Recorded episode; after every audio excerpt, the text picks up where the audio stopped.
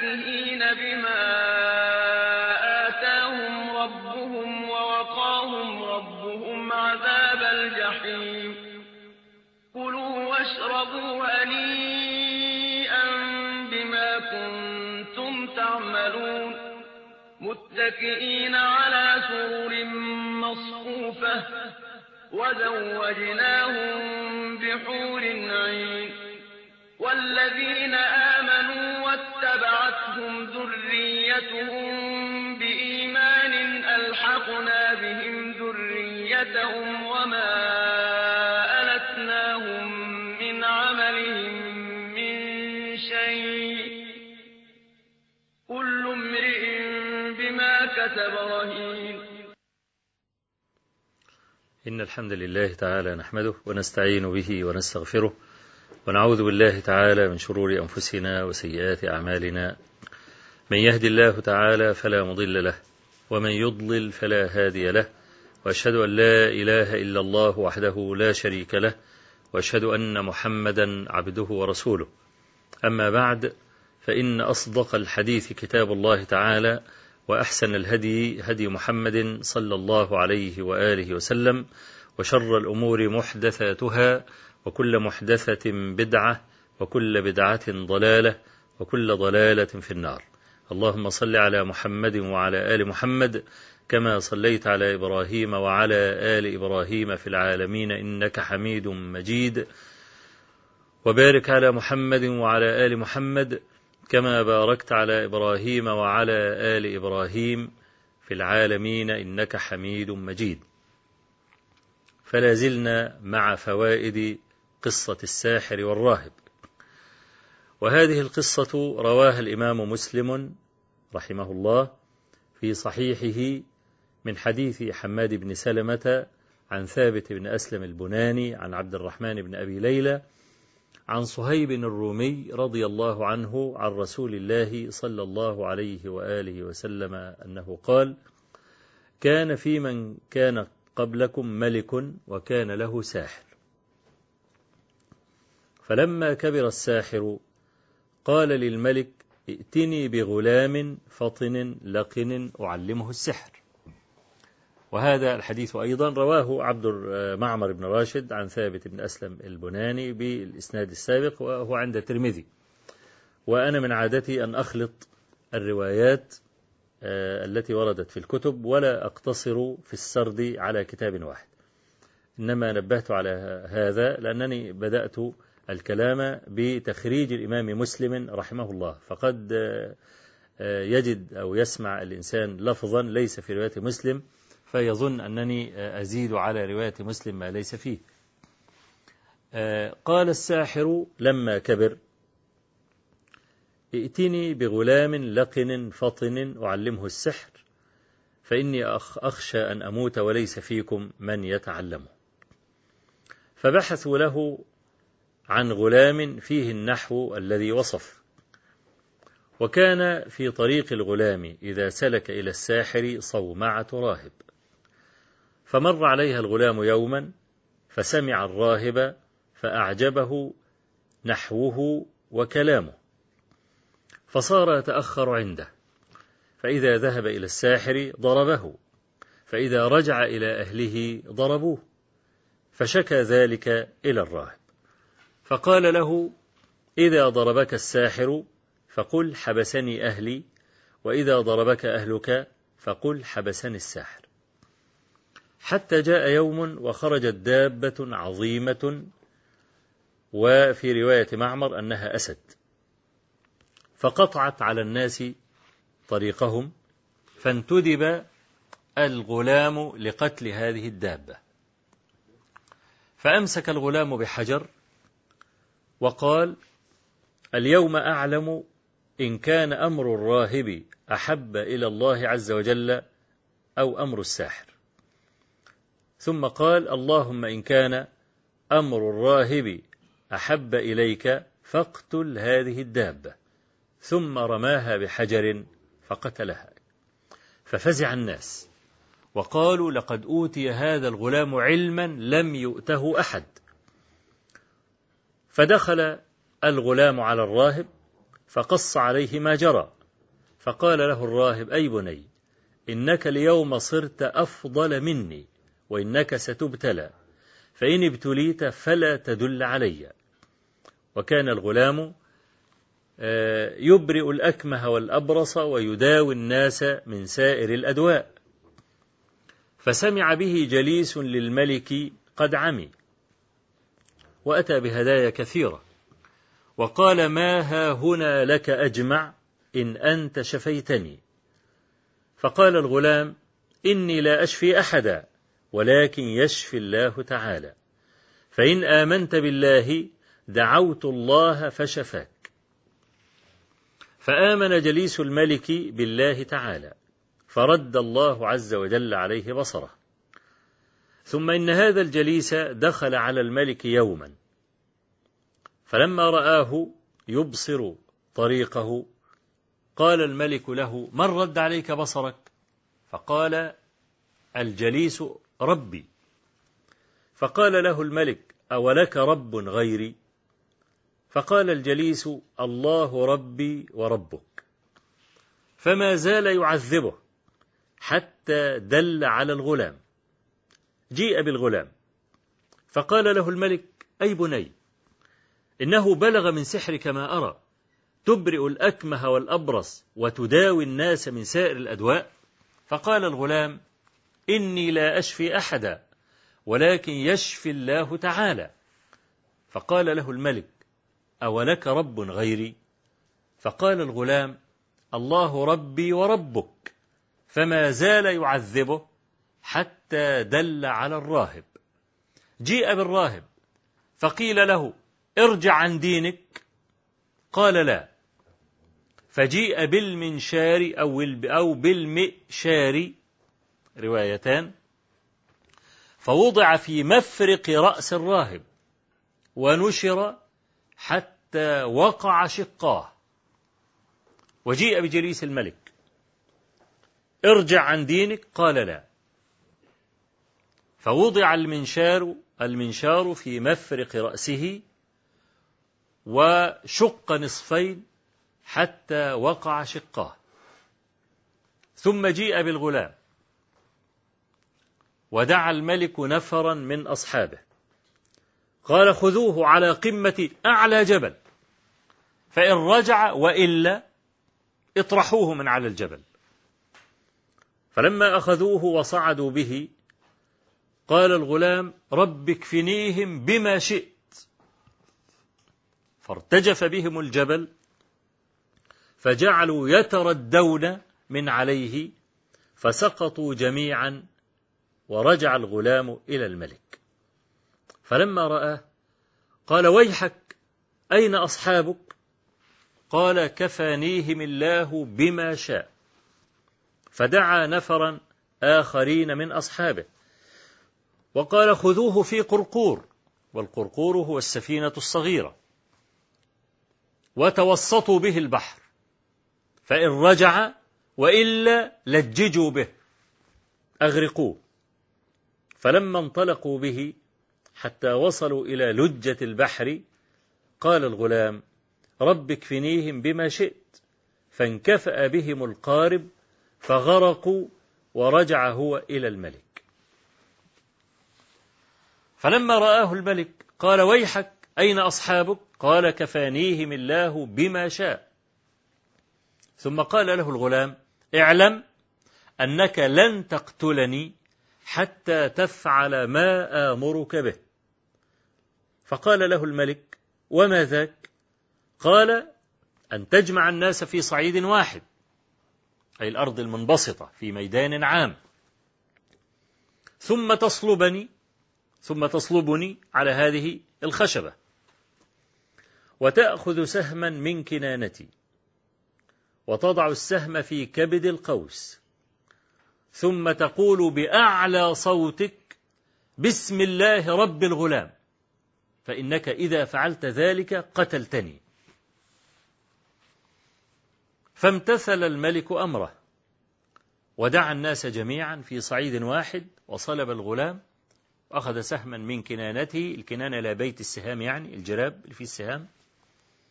ووضع السهم في كبد القوس وصرخ بأعلى صوته بسم الله رب الغلام. فوقع السهم حيث أشار الغلام. وقع السهم في صدغه. فمالت رأس الغلام على كتفه. ومات. فقال الناس جميعا آمنا بالله رب الغلام. فقالت بطانة الملك قد وقع والله بك حذرك كنت تخشى أن يؤمن الناس فقد آمن الخلق كلهم. وفي رواية وفي رواية معمر قالوا له أأزعجك أن آمن ثلاثة؟ فهؤلاء الناس كلهم آمنوا. وما العمل؟ قالوا له خد الأخاديد على أفواه السكك. احفر الأبار, الأبار العظيمة على أفواه السكك ويضع فيها بقى النحاس المغلي. ثم اعرض الناس عليها. كعرض الحصير عودا عودا يعني. فمن آمن برب الغلام اطرحه فيها. ومن رجع أو كفر بالله رب الغلام يبقى يرجع إلى داره.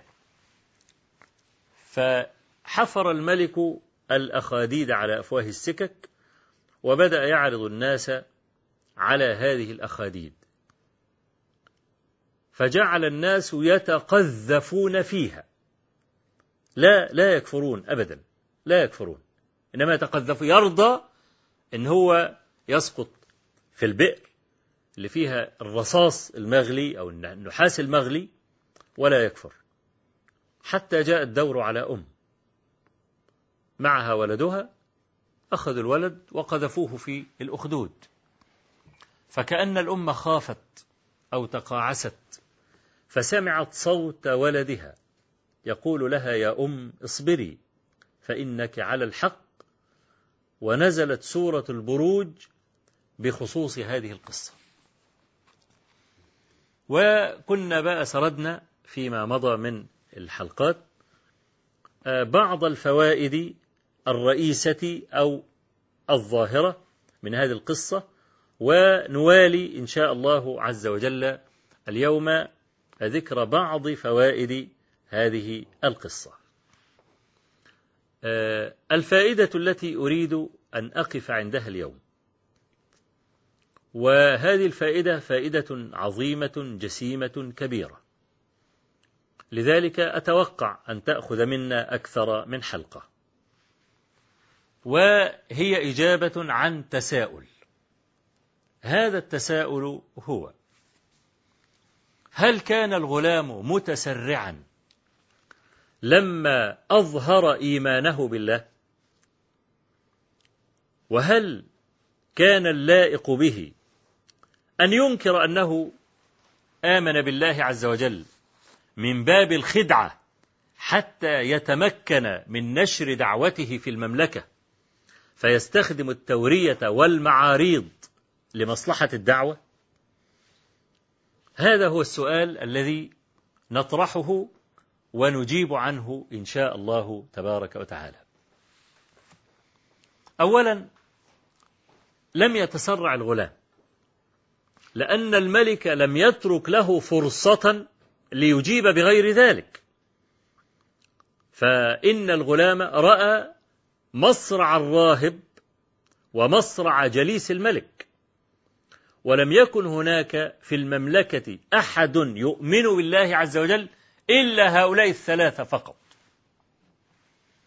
عن كده في نفس الحديث كما ذكرت لكم في رواية معمر ابن راشد عن ثابت ابن أسلم البناني. قالوا له أأزعجك أن آمن ثلاثة؟ فهؤلاء الخلق آمنوا كلهم جميعا.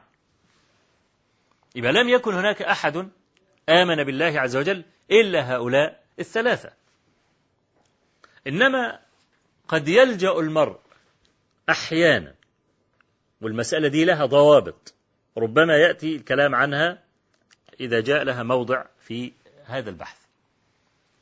ربما يلجأ المرء إلى استخدام المعاريض والتورية إذا بطش به الباطشون أو إذا خاف بطشهم ربما يجيب ويوري ويعرض إذا كان الأمر بينه وبين هؤلاء. كما حدث مثلا في آه، محنة خلق القرآن. محنة الجسيمة التي أنزلها المأمون في آخر عهده واستمرت في عهد المعتصم والواثق حتى جاء المتوكل ورفع هذه المحنة. آه، امتحن بعض أهل العلم.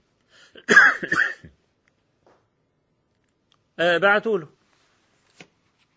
فلما دخل العالم على الأمير وابن أبي داود أطرق رأسه. أطرق برأسه في الأرض. فقال له الأمير ها ما تقول؟ أمخلوق طبعا البحث كله جاري في القرآن. أمخلوق فرفع العالم رأسه وقال إياي تعني؟ قال نعم. قال مخلوق. فتركه. طبعا العالم ذكي. قال إياي تعني يعني تقصد أنا أنا أنا مخلوق يعني ولا لا؟ طبعا هو بيسأل عن القرآن. وهذا العالم إنما قصد نفسه. قال إياي تعني إياي تعني أنني أنا المخلوق يعني؟ قال نعم. قال مخلوق طبعا مخلوق. وبهذا نجا. لكن إذا كانت المسألة جسيمة عامة والخلق ينتظرون كلام هذا العالم فأهل العلم لا يرخصون له أن يأخذ بالرخصة في هذا الموضع وينبغي له أن يصبر حتى لا يفتتن الخلق. ولذلك قيل إذا زل العالم زل بزلته عالم. العالم كرأس العين. إذا تكدرت تكدرت السواقي. ويا ليت القائمين على تبليغ دين الله عز وجل أن يكونوا على حذر بالغ في هذه المسألة.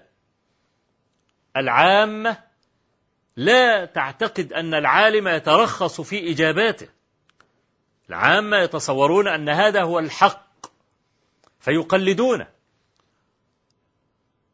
الإمام أحمد بن حنبل رحمه الله لما وقعت المحنة ثبت فيها ثبوتا عجيبا رفع الله عز وجل به مناره وأعلى كعبة. وصار أحمد كالذهب. دخل النار فخرج أكثر لمعانا. كان قبل المحنة إماما في الحديث وفي الفقه. وصار بعد المحنة إماما في الحديث والفقه والسنة. حتى قيل لبشر بن الحارث. بشر الحافي. آه لما لم تقم مثلما قام أحمد؟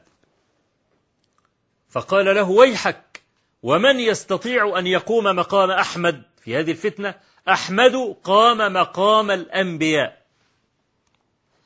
أي أنه لم يبدل ولم يغير وصبر على إيصال هذا الحق. لما كان الإمام أحمد بيستجوب وكان يضرب والمعتصم جالس وهذه من أكبر سوءات المعتصم أنه دعا إلى خلق القرآن وامتحن أهل العلم وجلد أحمد بيده وكان كثيرا ما يقول لأحمد قلها يا أحمد يعني وافقني فيما أرى قلها أفك قيدك بيدي يقول يا أمير المؤمنين قل لي شيئا من كتاب الله عز وجل أو من سنة رسول الله صلى الله عليه وسلم أقول به فيغتاظ المعتصم ويقول للجلاد شد قطع الله يدك. اضرب يعني بقوة حتى ذكروا في يعني الروايات أن المعتصم لم يشفي يعني غيظه في المسألة دي جلد الجلاد فنزل فأخذ الصوت وجلد أحمد يعني حتى يبين للجلاد كيف يجلد. وأغشي على الإمام أحمد مرتين في هذا اليوم وكان في يوم اثنين وكان صائما. كل بغداد كانت تقف من طلاب العلم تقف بالأقلام والمحابر والأوراق ينتظرون ما يقول أحمد حتى يكتبوا ما يقول. فكان إذا نظر إلى هذا المعنى هان عليه الصوت. لأن أحمد لو قال قولا لا يعتقد العام أنه مترخص بل يعتقدون أن أحمد يقول الحق. فالإمام العالم كرأس العين كرأس العين اللي زي المنبع النهر يعني. إذا أردت أن تكدر الماء كله يعني هذا النهر زي نهر النيل مثلا عندنا بيتفرع من نهر النيل عشرات الألوف أو مئات الألوف من الترع. فلو أردت أن تكدر ماء الترع جميعا تأتي في مصب النيل وتعكر. ليه؟ لأن كل المية هتنتشر في الترع. بخلاف ما إذا مثلا عكرت فرعا واحدا. لن يتعكر إلا هذا الفرع. العالم كذلك كرأس العين. كمصب النهر. إذا تكدر العالم تكدرت السواقي تكدر العوام. لذلك كانت المسؤولية على أهل العلم جسيمة كما قال تعالى وإذ أخذ الله ميثاق الذين أوتوا الكتاب لتبيننه للناس ولا تكتمونه. وقد صح عن النبي صلى الله عليه وسلم أنه قال من سئل عن علم فكتمه ألجمه الله بلجام من نار يوم القيامة. فالعالم مسؤوليته كبيرة. يبقى هو الذي يقدر يعني. متى يترخص ومتى لا يترخص. لكن الأمر إذا كان في مواجهة الجماهير فأهل العلم يحثون العالم على الصبر.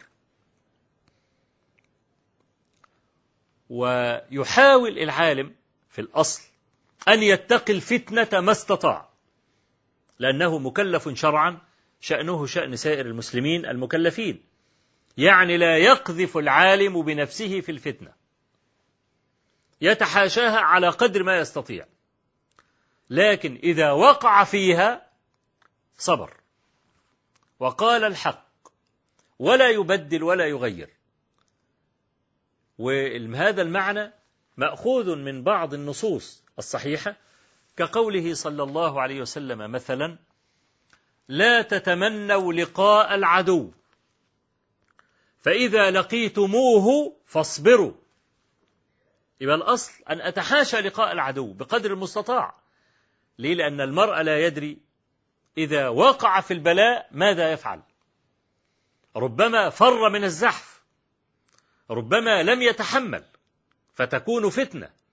يعني في بعض الناس الذين خرجوا مع رسول الله صلى الله عليه وسلم في بعض الغزوات لما أصيب أصيب بجراحة لم يتحمل فقتل نفسه.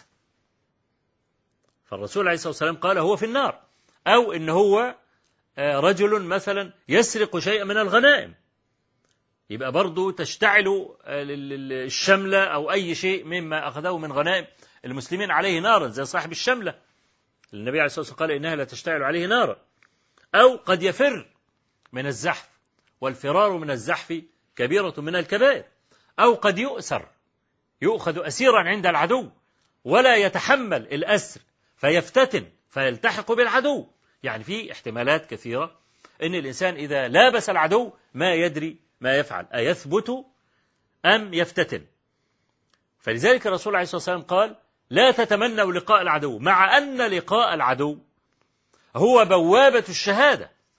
سيصل إلى أعلى مراتب الشهادة بأن يقتل في سبيل الله تبارك وتعالى. فالجهاد الجهاد هو بوابة الشهادة. ومع ذلك قال لا تتمنوا لقاء العدو. خلاص إحنا تحاشينا لقاء العدو قدر المستطاع. لكن فرض علينا اللقاء فرضا. بغير اختيار منا.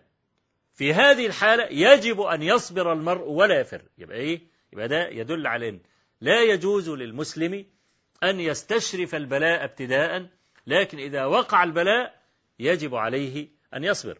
وكذلك برضو مما يعني يذكر من دلائل هذه المسألة حديث الطاعون حديث عبد الرحمن بن عوف. لما وقع الطاعون واستشار عمر رضي الله عنه الصحابة فأشار عليه عبد الرحمن بن عوف رضي الله عنه بما سمعه من رسول الله صلى الله عليه وسلم أنه إذا وقع في أرض أنتم فيها لا تخرجوا منها. وإذا سمعتم بأرض هو فيها فلا تدخلوها. الشاهد المقطع الثاني من الحديث. إذا سمعتم بأرض هو بأرض الطاعون بأرض هو فيها لا تدخلوها مع أن آه، الرسول صلى الله عليه وسلم يقول الطاعون شهادة لكل مسلم. طب ما زي الجهاد برضه إحنا لسه بنتكلم يعني بنقول الجهاد باب الشهادة. الطاعون ما هو برضه المطعون ده شهيد. ومع ذلك قال لك لا تدخل. يبقى لا يلابس المرء الفتنة. يبقى العالم لا يسعى إلى الفتنة يتجنبها يتجنبها لكن إذا وقع فيها وجب عليه أن يصبر. هذا الغلام آه كما قلت سبقه بالإيمان الراهب ولحقه جليس الملك. يبقى المؤمنون بالله تبارك وتعالى في هذه المملكة هؤلاء الثلاثة فقط. قتل الراهب وقتل جليس الملك وقد صرح الغلام تصريحا واضحا بعقيدته. لما قال له الجليس لما قال له الملك أي بني بلغ من سحرك ما أرى تبرئ الأكمه والأبرص وتداوي الناس من سائر الأدواء. قال إني لا أشفي أحدا ولكن يشفي الله تعالى. فالغلام وضع في الموضع الذي لا يستطيع أن يقول غير ذلك. ولأن ما فيش أي مضرة تقع على الدعوة إنما المضرة إذا وقعت وقعت عليه هو. وقعت عليه هو. ومعلوم أن الرجل الذي يحمل الحق أنه يتعرض للأذى. ولا بد ولا بد لتبلون في أموالكم وأنفسكم ولتسمعن من الذين أوتوا الكتاب من قبلكم ومن الذين أشركوا أذى كثيرا. وإن تصبروا وتتقوا فإن ذلك من عزم الأمور. فالأذى كل المسألة كلها أذى. أذى. لأن الذي يثبت المرء على الحق هو الله سبحانه وتعالى. وما كان الله عز وجل ليسلم أولياءه للناس ولا أن يبدل قلوبهم رأفة رحمة منه تبارك وتعالى. فيثبتهم على الحق. إنما الذي يلحق المرء في الدنيا هو الأذى. كما قال تعالى لن يضروكم إلا أذى. فالإنسان اللي هو متجه إلى الله عز وجل ويسلك طريق الحق لابد أن يوطن نفسه أنه قد يتعرض للبلاء في أي وقت من الأوقات فيعني يعني يجعل توكله الكامل على ربه تبارك وتعالى ويتبرأ من حوله وقوته. زي حديث صهيب الرومي اللي إحنا بنشرحه ده آه، في أوله أن النبي صلى الله عليه وسلم ذكر نبيا من الأنبياء. وده هذا الكلام قلناه في أول حلقة. ذكر نبيا من الأنبياء وأنه أعجب بقومه وقال من يقوم لهؤلاء؟ فخير هذا النبي ما بين أن يرسل الله عز وجل عليه الموت آه، أو إن هو يدهمهم عدو من غيرهم. المهم هذا النبي استشار قومه وفضلوا في النهاية الموت. فمات منهم سبعون ألفا في ساعة. فالنبي عليه الصلاة والسلام لما ذكر قصة هذا النبي كان يقول اللهم بك أحول وبك أصول ولا حول ولا قوة إلا بك. يعني يتبرأ المرء من حوله ويتبرأ المرء من قوته لأنه لا يدري أينفسخ عزم قلبه في المحنة أم لا. وعلمنا من بقية القصة أن الله عز وجل هو الذي كاد لهذا الغلام كاد لهذا الغلام. ومن قلة بصر هذا الملك الكافر أنه فعل ذلك. يعني لو أن الملك ترك الراهب وجليس الملك والغلام هؤلاء الثلاثة يجوبون المملكة ليلا ونهارا جيئة وذهابا. كان ممكن آه، يعني يستطيع هؤلاء أن يجعلوا المملكة كلها تؤمن في ساعة؟ لا طبعا. لأن دعوة الناس من أشق المهن. الدعوة من أشق المهن. أي إنسان عنده بيتاجر في أي بضاعة مستريح من وجه ما. إن البضاعة بتاعته نفسها عبارة عن جماد بيحركها يوديها يمين. إنما بضاعة الدعاة بضاعة العلماء هم الناس. والناس فيها المعارض وفيها المتكبر وفيها البليد الذي لا يفهم. فيها كل الصفات المعوقة. حتى لو إن في حتى واحد موائم بيجيب لك اعتراضات. تجيب له الدليل تقول له النبي صلى الله عليه وسلم يقول كذا يقول له طب ما ربنا بيقول كذا. طب ما دي مخالفة دي. تقعد أنت تفهمه تقول له لا دي مش مخالفة دي. دي سكتها كذا ودي سكتها كذا. وتجمع. أو تقول له لا ده نسخ وده من- منسوخ مثلا. أو ده خاص وده عام. ممكن يعارض يقول لك لا معلش أنا لا أسلم بالحدوتة دي. انت بقى دي معارضة وما تحاولش توفق لي وما تحاولش تعمل لي. يعني على ما تاخد تقنع هذا الإنسان تأخذ مجهودا كبيرا آه عشان تقنعه وممكن يطلع في الآخر مش مقتنع. ويطلع بيكرهك ويقف حجر عثرة. انت تقول يمين ويقول شمال. ومطلوب منك الصبر. ترمى في عرضك. وتتهم في أمانتك. وترمى بالجهل. وإنك أنت أتيت بدين جديد. وانك انت بتخترع. كل الكلام ده ترمى به. ويخذلون الناس عنك. وممكن تصل مسألة للأذى وللإرهاق وللقتل. كمان. ومطلوب منك تستوعب كل الناس. لأن الناس هم رأس مال العالم. زي أي تاجر بيدخل السوق رأس ماله الفلوس.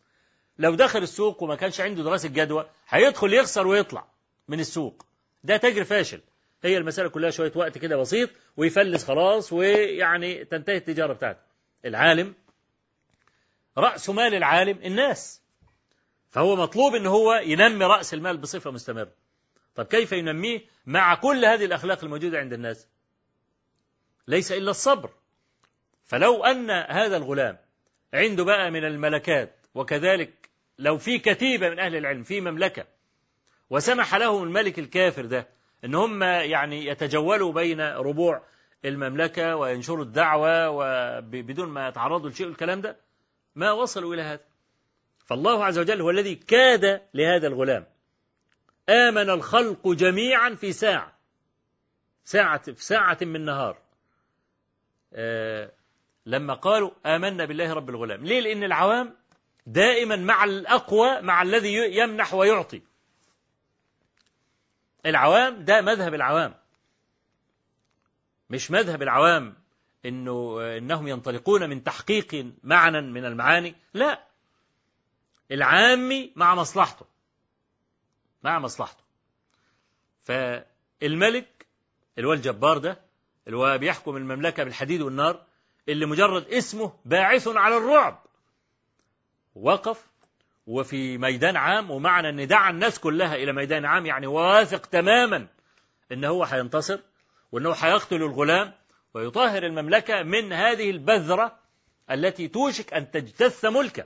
ما هو موت قتل الراهب وقتل جليس الملك. ما فيش غير الغلام.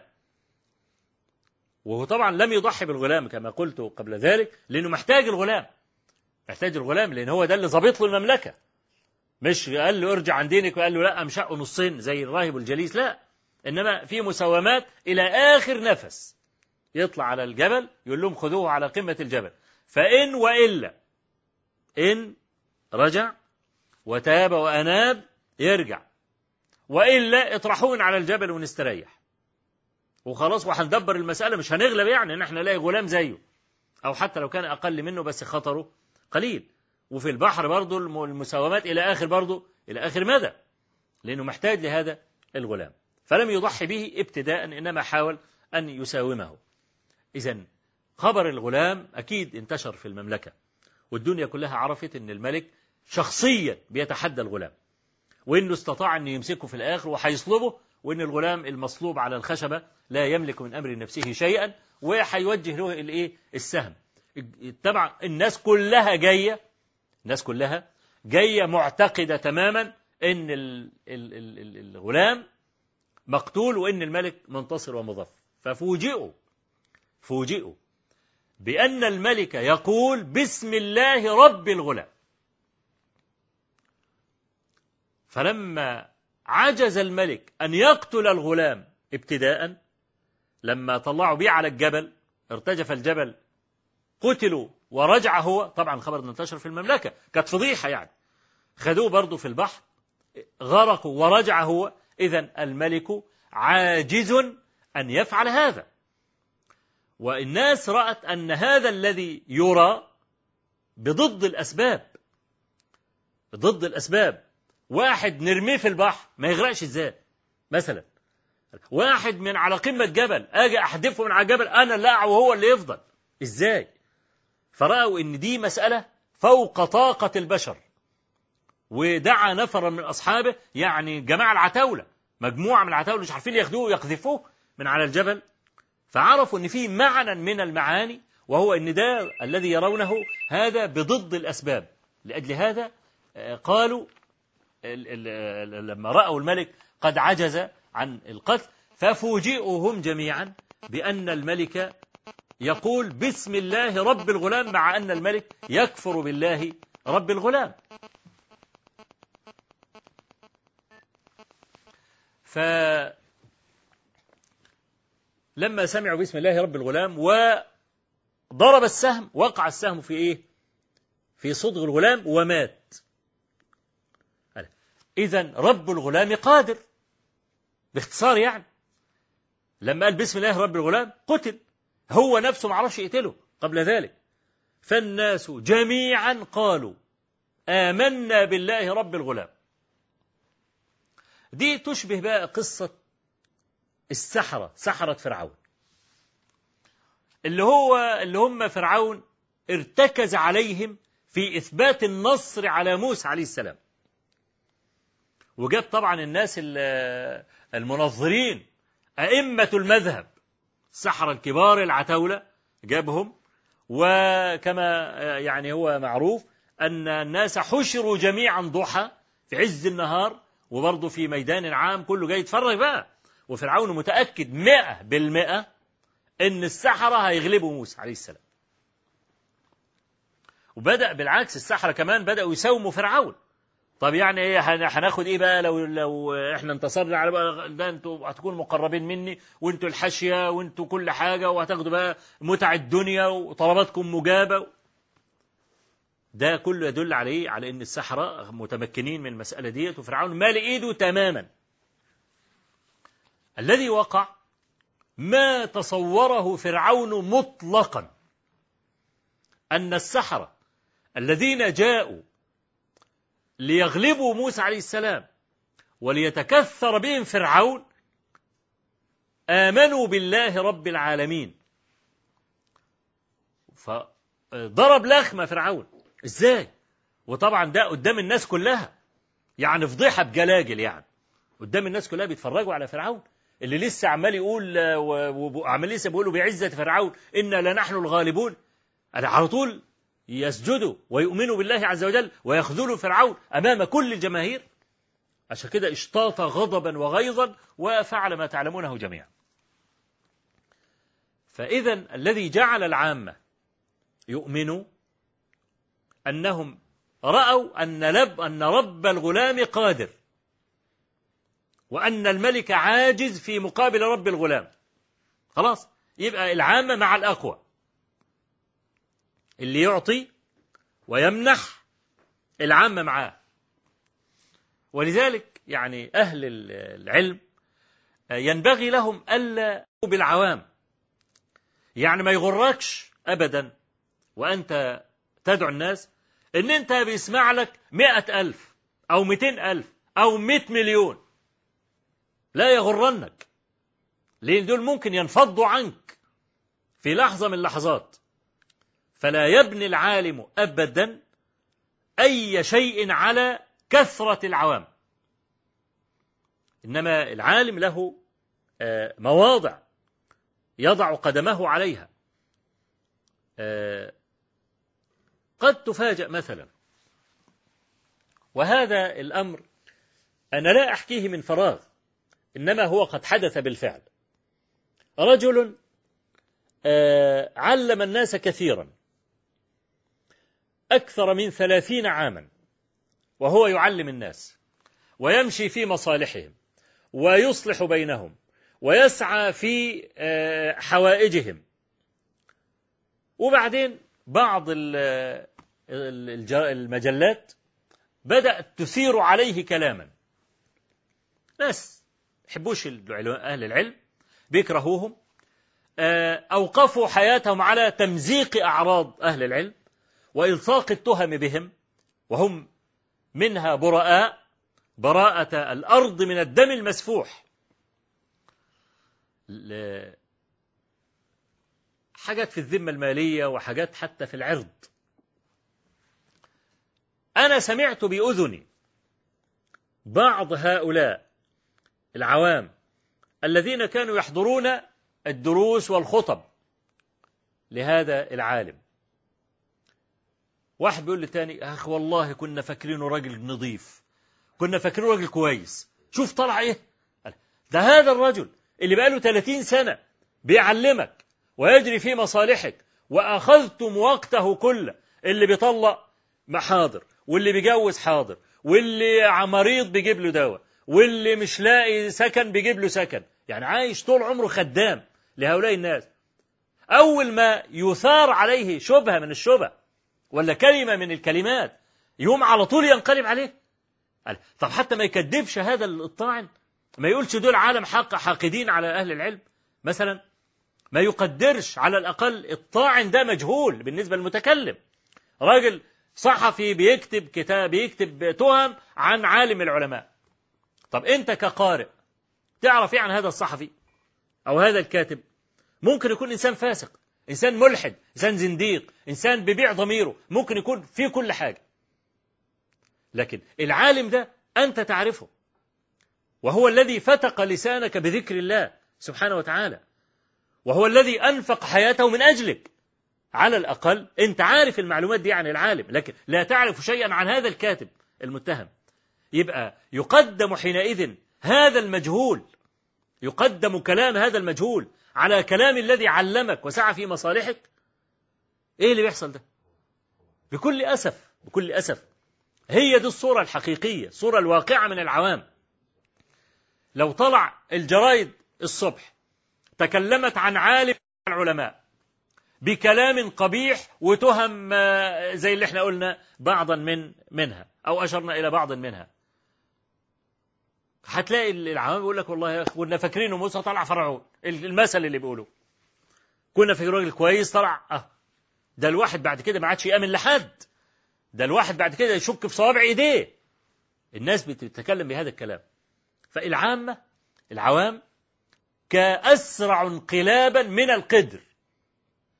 قدر اللي بتغلي على النار أسرع انقلابا من القدر. عشان كده لا ينبغي لعالم بصير أن يتكثر بالعوام إنما يعتمد اعتمادا راسخا على ربه تبارك وتعالى وأن يخلع حوله وقوته فإن الله عز وجل هو النصير وقلوب العالمين جميعا بيد خالقها ليست بيد أحد.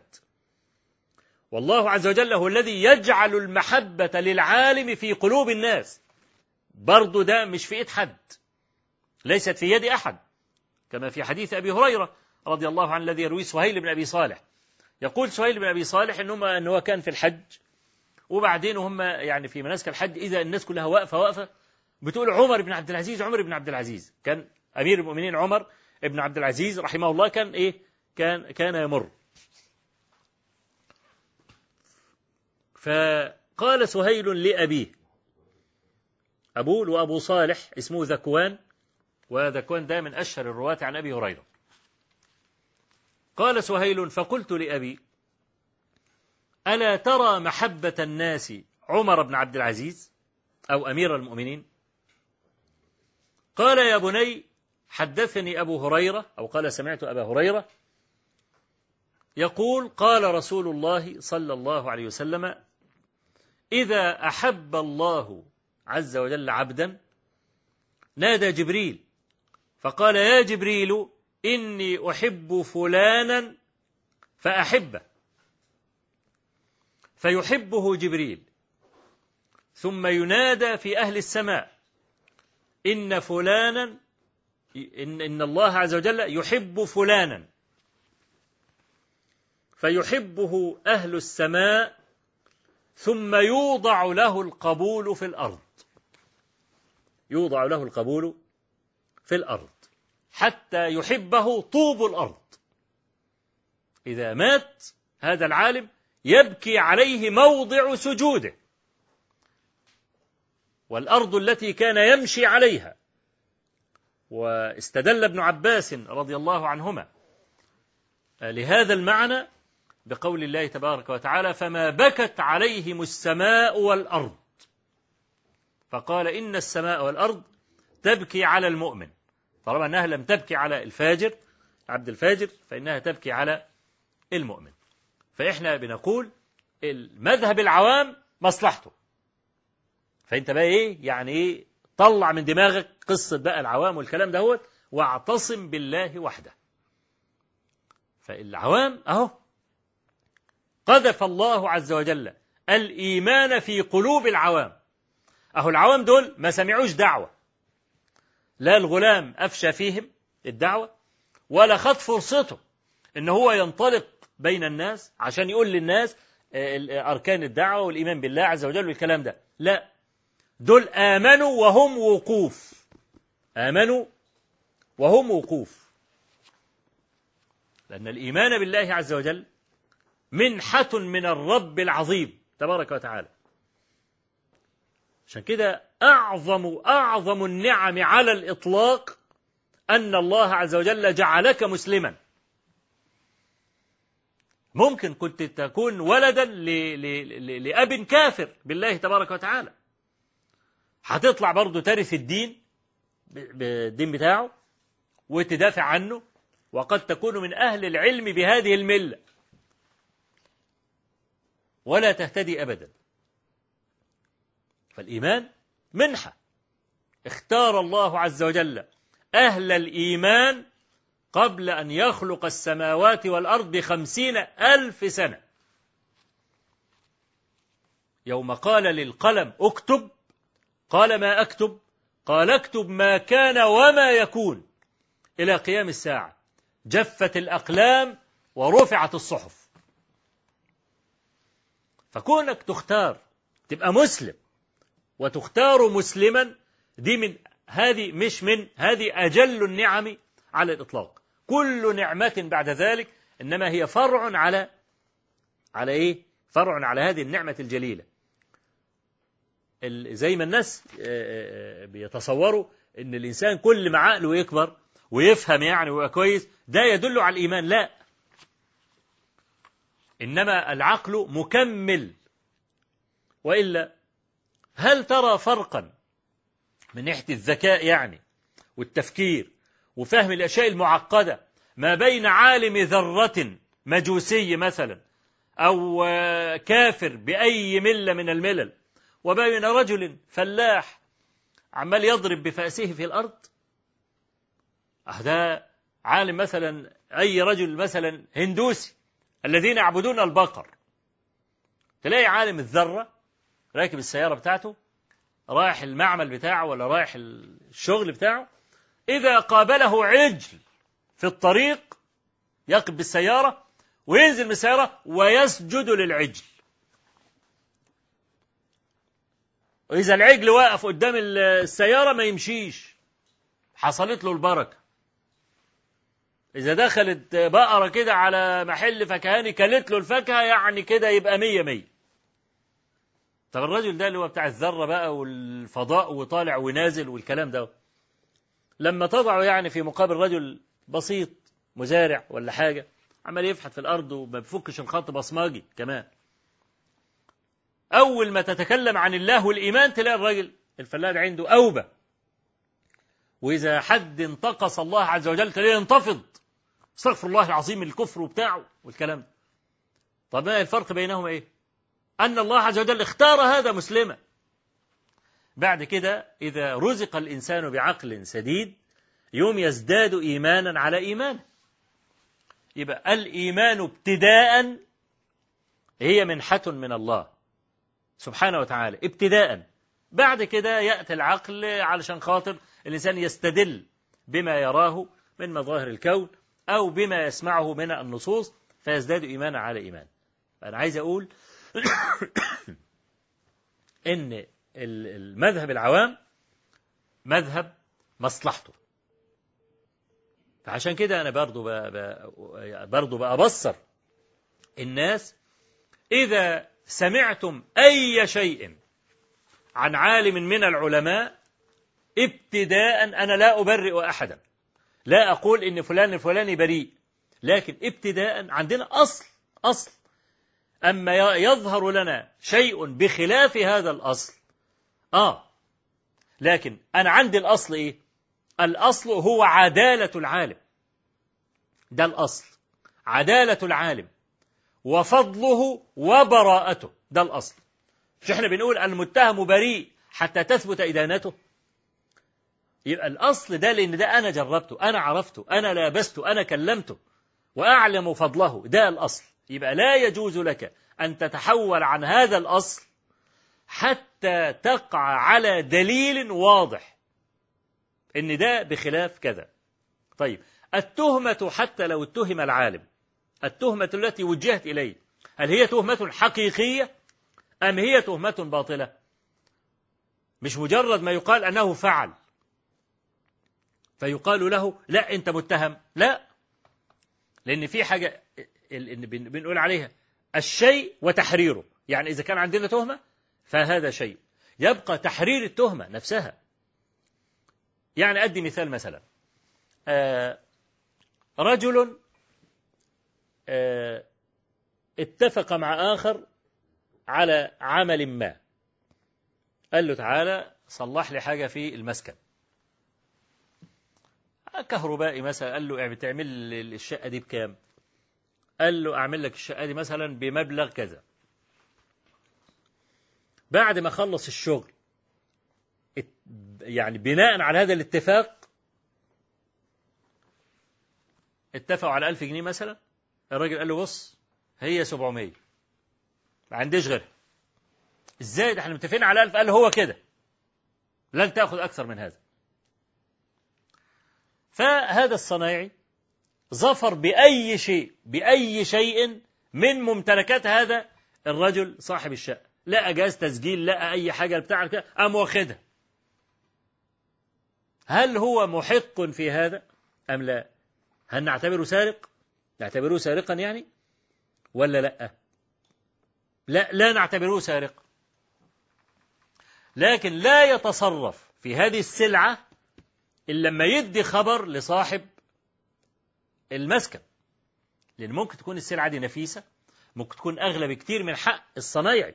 يعني افترضنا خد مثلا جهاز تسجيل قيم ولا خد جهاز كمبيوتر مثلا ولا حاجات زي كده يساوي مثلا ألف جنيه الجهاز ده لوحده.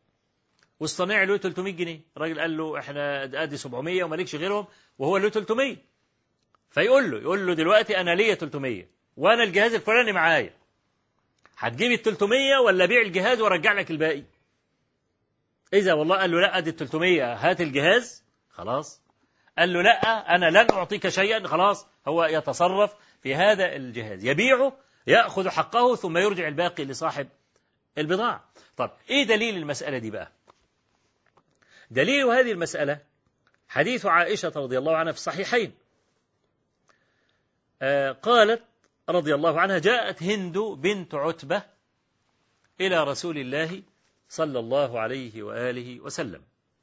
وقالت يا رسول الله إن أبا سفيان رجل شحيح فهل علي أن آخذ من ماله بغير علمه؟ فقال لها عليه الصلاة والسلام خذي ما يكفيك وولدك بالمعروف. ما تاخدش؟ على أساس أنها بتتلف المال أو بتستخسر يبقى معاه فلوس. راجل فلوسه كتير وبتاع الكلام ده ناخد ما عمال يبعزق يمين وشمال. أنا أولى أنا والعيال والكلام ده وناخد الفلوس ونحطها على جنب. لا. إنما النبي عليه الصلاة والسلام قال بالمعروف. تاخدي حاجتك فقط. إذا كنت مش لاقية تاكلي تاكلي مش لاقية تلبسي تلبسي مش لاقية تتعالجي تتعالجي. الكلام ده. أما فيما عدا ذلك فلا. العلماء بقى استنبطوا من هذا الحديث أن من كان له حق معلوم عند أحد. وهذا الأحد جحد هذا الحق أو منعه جاز لك أن تأخذ هذا الحق بغير علمه وبغير إذنه. ونقل أبو الحسين البغوي رحمه الله صاحب شرح السنة هذا المعنى في كتاب شرح السنة.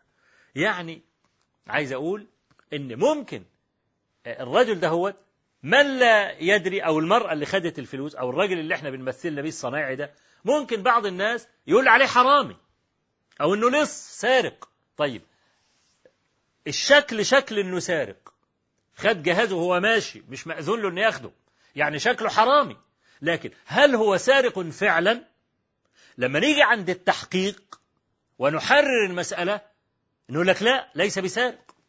يبقى أنا عندي مثلا إذا حد اتهم مثلا أحدا من أهل العلم بتهمة ما قد التهمة تبدو بادي الرأي إنها تهمة لكن لو حررنا هذه التهمة هنلاقيها مش تهمة.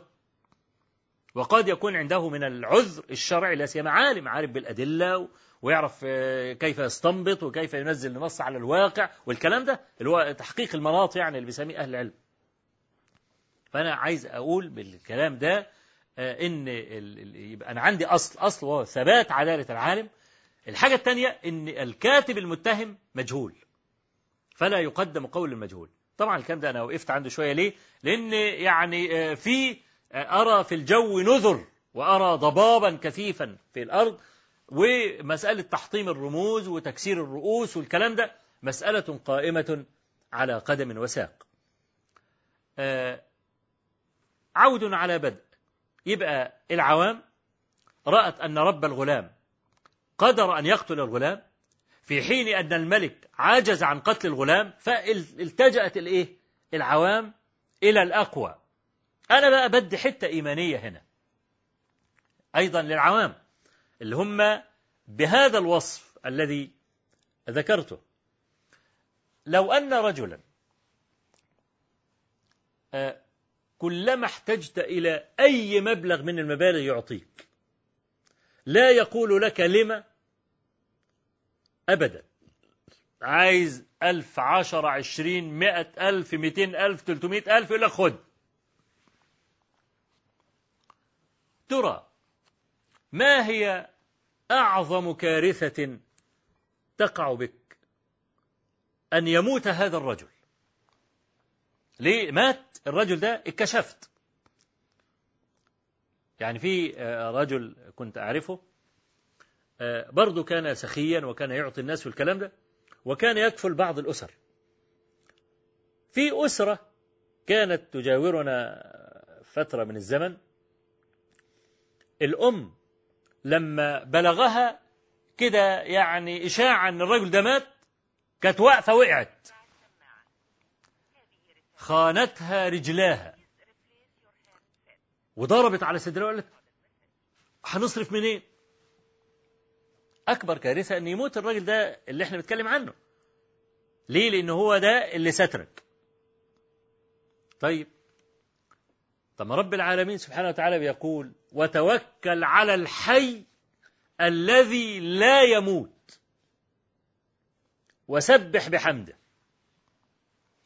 الآية دي فيها لفتة جميلة جدا وتوكل على الحي الذي لا يموت. هل ترى إن لا يموت تكرير لمعنى الحي؟ لا مش تكرير. لأن الأصل التأسيس تأسيس المعنى مش تكريره. وتوكل على الحي. فبعض الناس يقول أنا حي والله عز وجل حي.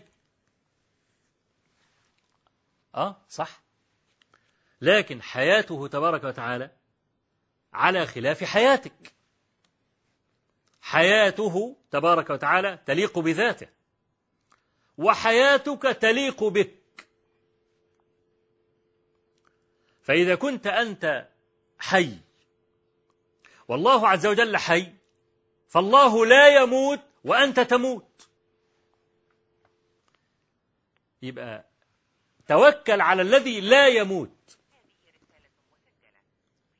طب أمال إيه التسبيح ده جالي بقى؟ وسبح بحمده. آه هناك حديث لعبد الله بن عمرو بن العاص في مسند الإمام أحمد وغيره وحديث صحيح. قال قال رسول الله صلى الله عليه وسلم لما حضرت نوحا عليه السلام الوفاة دعا ابنه أو ابنيه في روايتان يعني. وقال إني قاص عليكما الوصية أو قاصر عليكما الوصية. لفظان أوصيكما باثنتين وأنهاكما عن اثنتين. الذي يعنيني من هذا الحديث الشاهد الذي أريده للمعنى الذي أؤسسه الآن وأذكره قوله عليه السلام قول نوح عليه السلام آمركم بسبحان الله وبحمده فإنها صلاة كل شيء وبها يرزق الخلق. يبقى كل شيء صلاته التسبيح. وسبحان الله وبحمده هي سبب الرزق. يبقى أنا عندي هتوكل على الحي الذي لا يموت. أنت خايف من إيه؟ إحنا لسه بنضرب المثل بالإنسان اللي هو الغني السخي الكريم. الذي ما منعك شيئا قط. قلنا أن أكبر كارثة في حياتك أنه يموت. خلاص. ولله المثل الأعلى. الله عز وجل له خزائن السماوات والأرض. غناه لا يمكن أن يعبر عنه قلم. فوق الأوهام. غنى رب العالمين جل ثناؤه. فوق الأوهام. أقصى ما يمكن أن يصل إليه وهمك لا يشكل شيئا مذكورا بالنسبة لغنى لغنى الله تبارك وتعالى. وأنا يعني يكفيني الحديث الشهير في الصحيحين أن الله عز وجل قال أن النبي صلى الله عليه وسلم قال يد الله ملأى سحاء ينفق كيف يشاء. انظر إليه كم خلق كم أنفق منذ خلق السماوات والأرض. كم أنفق منذ خلق السماوات والأرض؟ من لدن آدم عليه السلام إلى أن تقوم الساعة. دي أمم كلها فنيت وأجيال متعاقبة وغناهم متفاوت.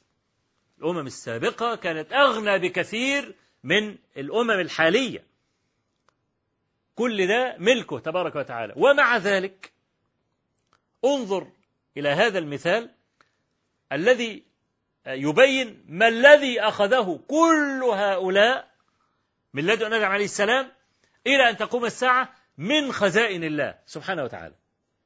حديث أبي ذر له حديث صحيح مسلم حديث مشهور خالص يعني اللي كلنا عارفينه.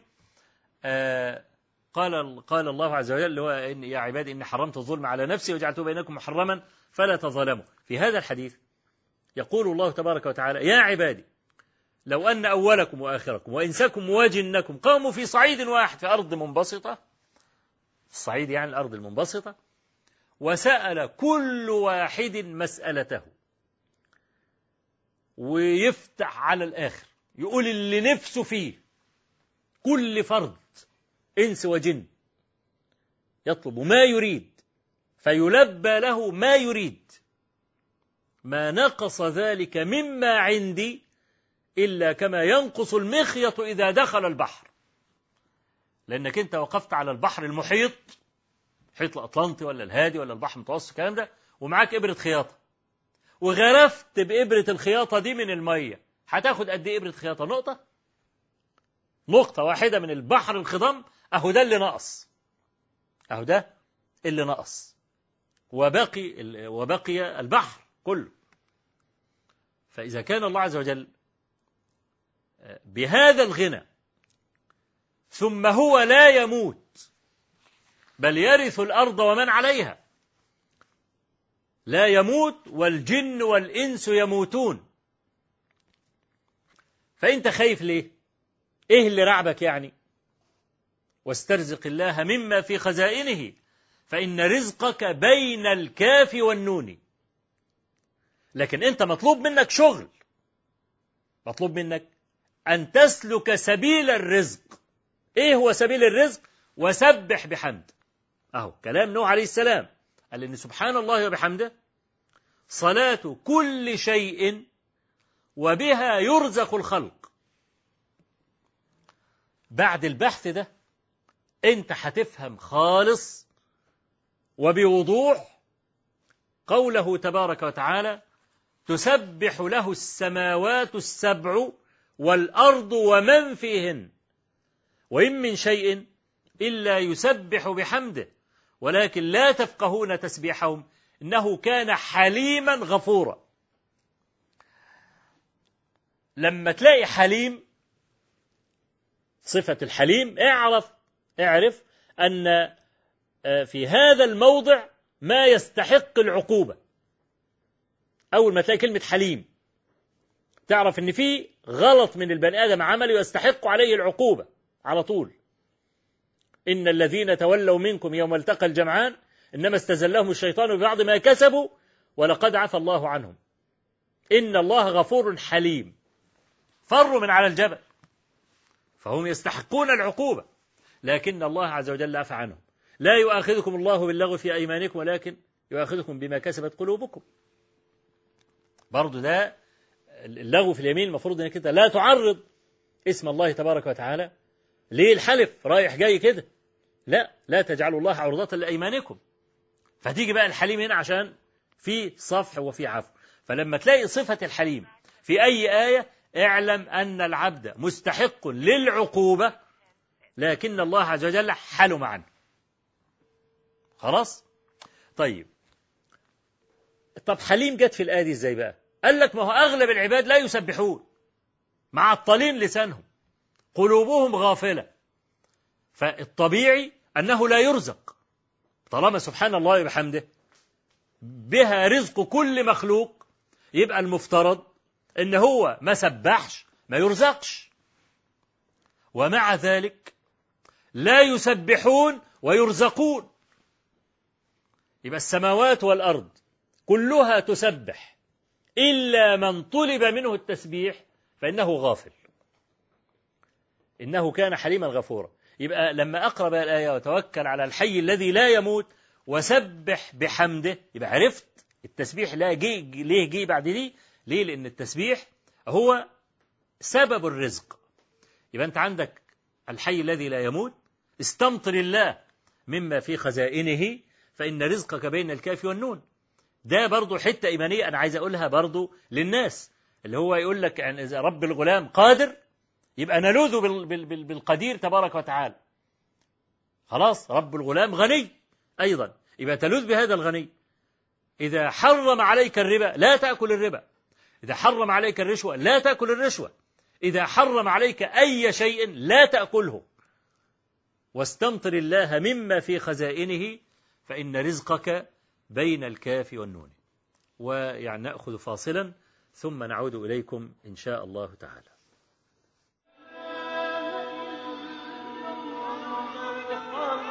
قناة الحكمة الفضائية. أوه تهتدوا.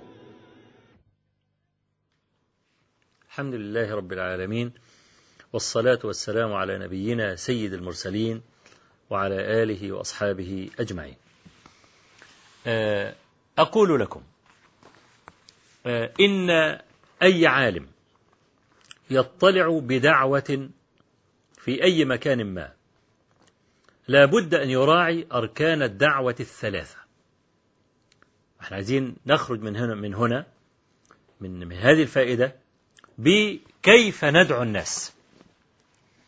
وأنا أعلم أن هذا البحث يحتاجه كثير من شبابنا المتصدرين للدعوة. حتى لا يقعوا في الإخفاقات الكثيرة التي سببها عدم التجربة. أي دعوة في الدنيا؟ لها ثلاثة أركان. أي دعوة؟ مش لازم تكون الدعوة إلى الله سبحانه وتعالى. الأركان الثلاثة الداعي إلى الدعوة. ده واحد. ثانيا المدعو الذي سأدعوه. ثالثا الدعوة نفسها. يبقى أنا عندي ثلاث أركان. الدعوة والداعي إليها والمدعو. الدعوة فيما يتعلق بالدعوة إلى الله عز وجل الدعوة نفسها الإسلام. قرآنا وسنة. الداعي إلى هذا الإسلام الركن الثاني العالم. المدعو جماهير الخلق. في كل ركن من هذه الأركان حتى تكون الدعوة ناجحة لا بد من توافر صفات. وده كما قلت لكم اللي هيطول معانا البحث شوية لأن إحنا عندما نقف على كل ركن من هذه الأركان وسنحاول أن نلقي عليه ضوءا ليظهر ولو جملة. لأن إحنا لو فتحنا في هذا الموضوع على وجه التفصيل هياخد حلقات حلقات كثيرة جدا. الدعوة نفسها هي الإسلام. لا بد أن تكون الدعوة صحيحة. لا بد أن تكون قائمة على ساق الدليل. ما تجيبش حاجة من دماغك. ما تألفش حاجة من دماغك. تبتعد عن الهوى. إنما أنت ملتزم بالكتاب والسنة.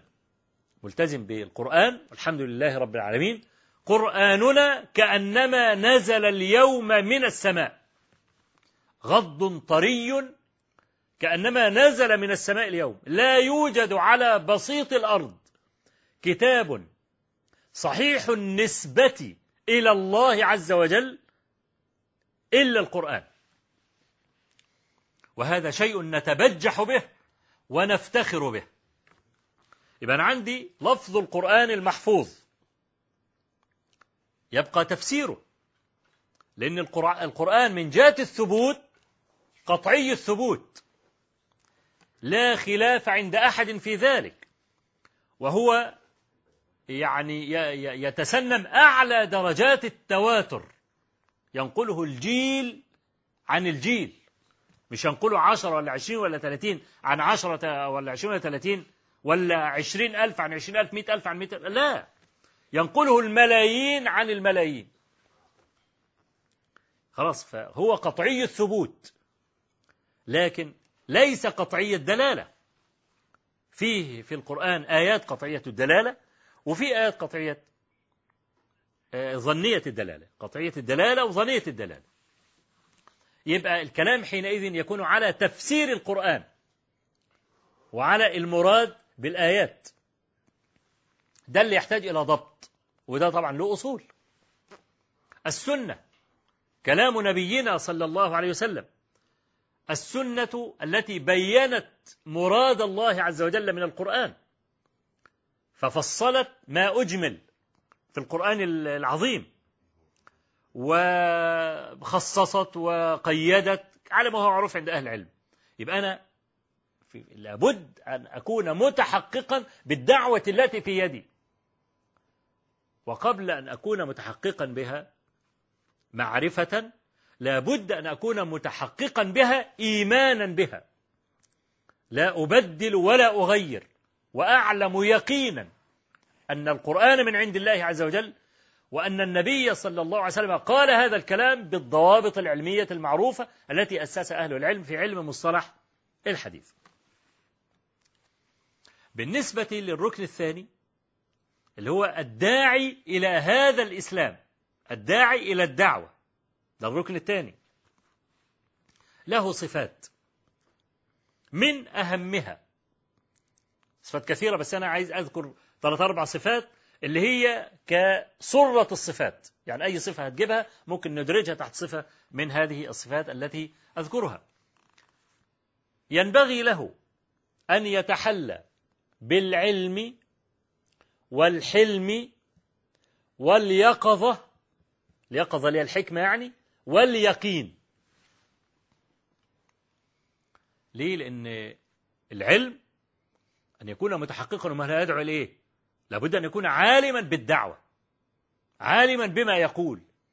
إذا نسب إلى الله عز وجل شيئا لابد أن يكون النسبة صحيحة. إذا نسب إلى النبي صلى الله عليه وسلم قولا لابد أن يتأكد أن الحديث صحيح. إذا كان حتى هو مش من أهل الحديث فيعرف من يقلد. لأن العلماء يقولون العامي مقلد في كل شيء إلا في اختيار من يقلده فإنه مجتهد. يبقى أنا على الأقل عارف مراتب أهل العلم اللي أنا هقلدهم. في علماء المتشدد في في علماء متشددون متوسطون متساهلون. أعرف المتشددون مين؟ زي كأمثلة يعني المتوسطون مين؟ المتساهلون مين؟ يبقى أنا ما لقيتش العالم الأولاني يبقى الثاني يبقى الثالث يبقى الرابع. خلاص ودي إن شاء الله برضه نعطي إطلالة إذا جاءت إيه؟ مناسبة الكلام. يبقى عنده العلم ده ضروري الحلم لأنه هيقابل بقى أنماط البشر هيقابل الغشيم ويقابل المتكبر ويقابل البارد ويقابل الحليم ويقابل الجاهل ويقابل العالم ويقابل الحسود هيقابل الدنيا بحالها فمش ممكن بقى إن هو كل ما يقابل واحد يلطش معاه أو واحد اعتدى عليه ولا بتاع يلطش لا هيخسر رأس مال. يبقى لابد إن هذا الرجل يكون متحلي بالفضائل. آه في نفس الوقت عنده حكمة يقظه اللي إحنا بنقولها. في بني آدم لئيم ما ينفعش إلا إنك أنت تقف له لا تسمح له بالمرور. في واحد تاني ممكن تسمح له. لا ده لا بقى. وهو ده عين الحكمة اللي إحنا بنقول اليقظة أن يكون يقظا يعرف الكلام رايح فين. في ناس لئام لا يؤثر فيها معروف أبدا. يشوف سفيان الثوري رحمه الله يقول نظرنا إلى أصل كل عداوة في العالم فوجدناها اصطناع المعروف إلى اللئام. حط المعروف عند واحد لا يستحق المعروف ولا يعترف به. فليس من اليقظة ولا من الحكمة إنك أنت تمرره هيفسد عليك الدعوة أو يفسد عليك حياتك أو يضرك. ها؟ يبقى انت لازم بقى إيه؟ كما يقال لكل مقام مقال. ممكن الشدة في مكانها الصحيح هي عين الرأفة. هي عين الرأفة وعين الرحمة. كما قال المتنبي ووضع الندى في موضع السيف بالعلا مضر كوضع السيف في موضع الندى. اللي انت تستخدم معاه الندى والكلام الجميل والكلام الحلو يبقى مناسب. واحد تاني ما ينفعش إلا بالسيف يبقى مناسب. يبقى وضع الندى في مكانه جميل ووضع السيف في مكانه جميل. لكل مقام مقال كما قال القائل وقد أجاد فعلا في تصوير هذا المعنى. يقول لئن كنت محتاجا إلى الحلم إنني إلى الجهل في بعض الأحايين أحوج ولي فرس للحلم بالحلم ملجم. ولي فرس للجهل بالجهل مسرج. فمن شاء تقويمي فإني مقوم ومن شاء تعويجي فإني معوج. وما كنت أرضى الجهل خدنا ولا أخا لكنني أرضى به حين أحوج. ألا ربما ضاق الفضاء على الفتى وأمكن من بين الأسنة مخرج. لئن قال بعض الناس فيه سماجة فقد صدقوا والذل بالحر أسمج. آه لكل مقام مقال. دي اليقظة بقى. إذا لم يكن الداعي إلى الله يقظا ممكن يضر الدعوة كلها. بأن هو يضع الشيء في غير موضعه. فاليقظة دي والحكمة معنى كبير. عايزين نقف عنده برضه. اليقين. يعرف يعرف أنه على الحق. ولا يضره النتائج. مش لازم إن هو يكسب ويرى ثمرة دعوته وهو حي. لكن يسلم الراية لمن يأتي بعده. لا يسمح بسقوط الراية. ويعلم أن هذه الدعوة منصورة سواء به أو بغيره. إن النبي صلى الله عليه وسلم أخبرنا فقال يأتي النبي يوم القيامة ومعه الرهط. ويأتي النبي يوم القيامة ومعه الرجل. ويأتي النبي يوم القيامة ومعه الرجلان ويأتي النبي وليس معه أحد. خرج من الدنيا بلا مؤمن واحد بدعوته. يبقى ما عرفش يبلغ الدعوة؟ لا. لكن دي أقدار. يبقى الإنسان يستقيم كما قال تعالى استقم فاستقم كما أمرت. ده المطلوب منك أن تستقيم كما أمرت. لا تبدل لا تغير. ده جملة الكلام الخاصة بالداعي إلى الإسلام أو الداعي الداعي إلى الله تبارك وتعالى. يبقى بقى المدعو. المدعو اللي هم الجماهير. دي هتلاقي كل المذاهب في الجماهير دي. إزاي تسلك حالك؟ إزاي تتعامل مع المتكبر؟ إزاي ترخي الحبل؟ إزاي تشد الحبل؟ يبقى لابد أن تكون عالما بمذهب العوام. إزاي تنزل الدليل على مقتضى حال العامي يعني رجل مثلا غني مولود في فمه ملعقة من ذهب متدلع على الآخر وبعدين التزم.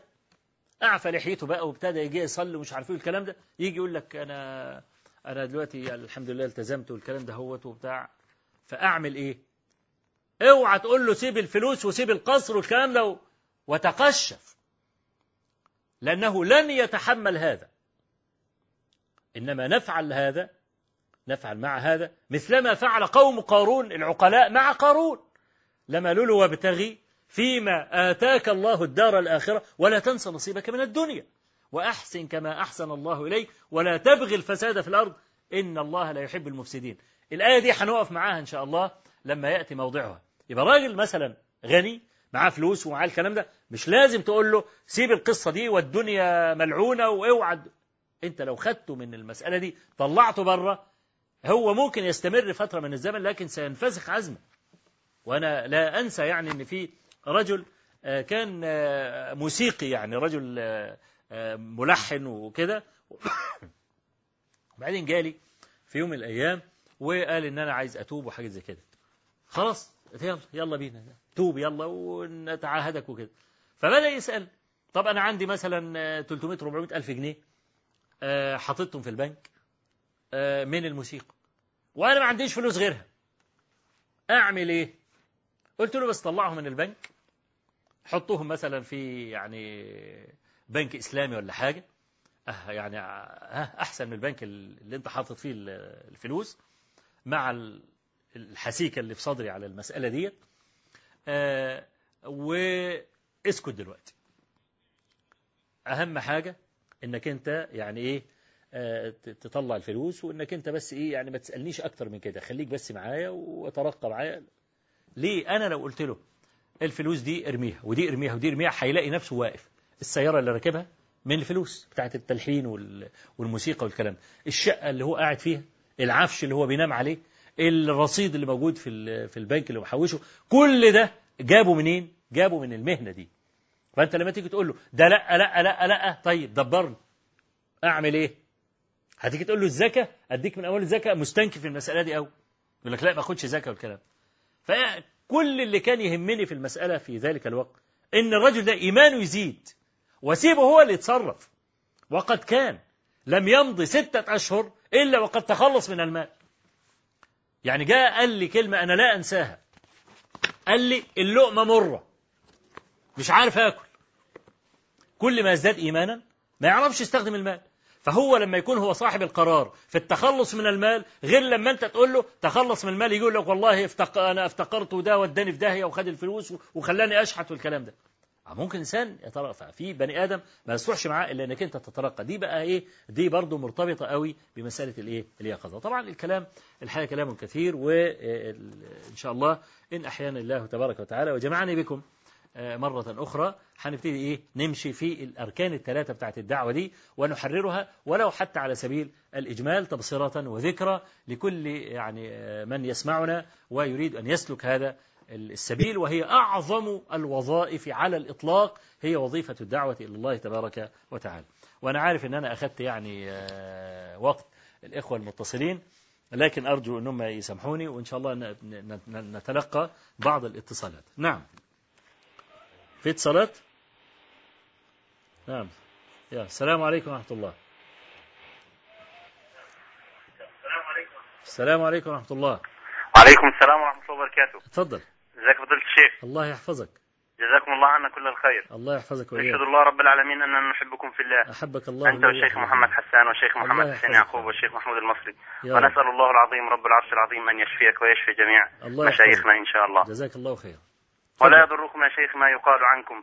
فوالله لا يزيدكم إلا حبا في قلوبنا والله. جزاك الله خيرا. لي سؤال عندك يا شيخ. نعم تفضل. السؤال خاص بالشغل بتاعي. أنا أعمل بوظيفة ممرض في جامعة المنوفية.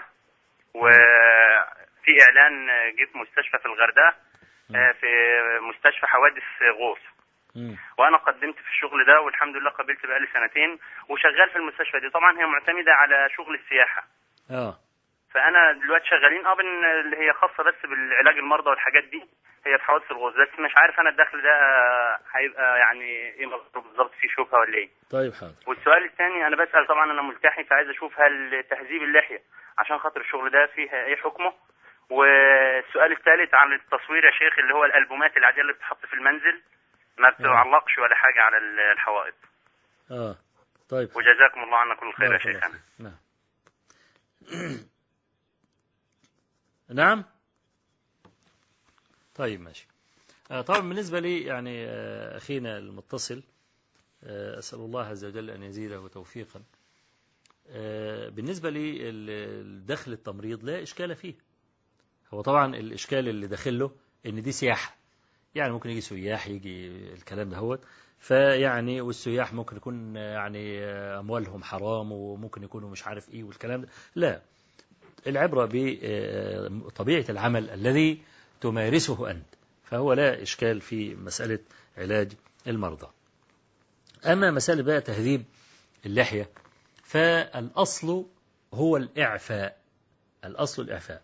كما قال صلى الله عليه وسلم أعفوا اللحى وقصوا الشارب وخالفوا اليهود والنصارى وفي رواية وخالفوا المجوس. فالإعفاء هو تمام الترك تمام الترك. لما تقول لواحد أنا عفوت عنك يعني تركتك. وكما قال تعالى ثم بدلنا مكان السيئة الحسنة حتى عفوا. عفوا أي حتى كثروا. فأعفوا اللحى أي اتركوها. وكذلك أرخوا اللحى ووفروا اللحى. يعني الألفاظ الثلاثة اللي هي وردت في هذا الأمر كلها تفيد إيه؟ تفيد تمام الترك. فده هو الصحيح في المسألة دي. أما مسألة الأخذ بقى من اللحية آه، كما في أثر عبد الله بن عمر. رضي الله عنهما في صحيح البخاري بعد ما روى عبد الله بن عمر آه، هذا الحديث أعفو اللحى قال وكان عبد الله بن عمر إذا حج أو اعتمر قبض على لحيته فما زاد عن القبضة أخذه. فأقول أن الأثر عن عبد الله بن عمر آه، رضي الله عنهما وطبعا في البخاري آه، فيه قيدان. قيد زماني وقيد موضعي. أما القيد الزماني فهو كان إذا حج أو اعتمر. ده القيد الزماني. قيد الموضعي أنه يأخذ ما زاد عن القبضة يعني يقبض كده اللحية ويأخذ إيه؟ ويأخذ الزائد عن القبضة. فأنت إذا أردت أن تتأسى بفعل ابن عمر رضي الله عنهما فعليك أن تأخذ بهذين القيدين القيد الزماني في الحج والعمرة القيد الموضعي آه طب عبد الله بن عمر رضي الله عنهما إنما كان يأخذ من شعر اللحية في النسك. ليه؟ لأنه شعر من جملة الشعر. هو كما أنه يحلق رأسه كان يأخذ شيئا من لحيته على اعتبار أن الشعر بيتاخد في النسك. أدي اللي اجتهاد عبد الله بن عمر رضي الله عنهما.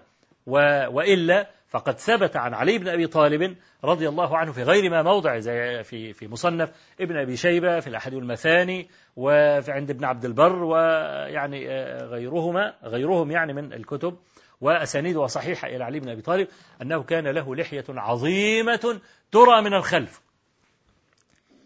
ترى من الخلف. مسألة إرخاء يعني اللحية هو ده الأصل.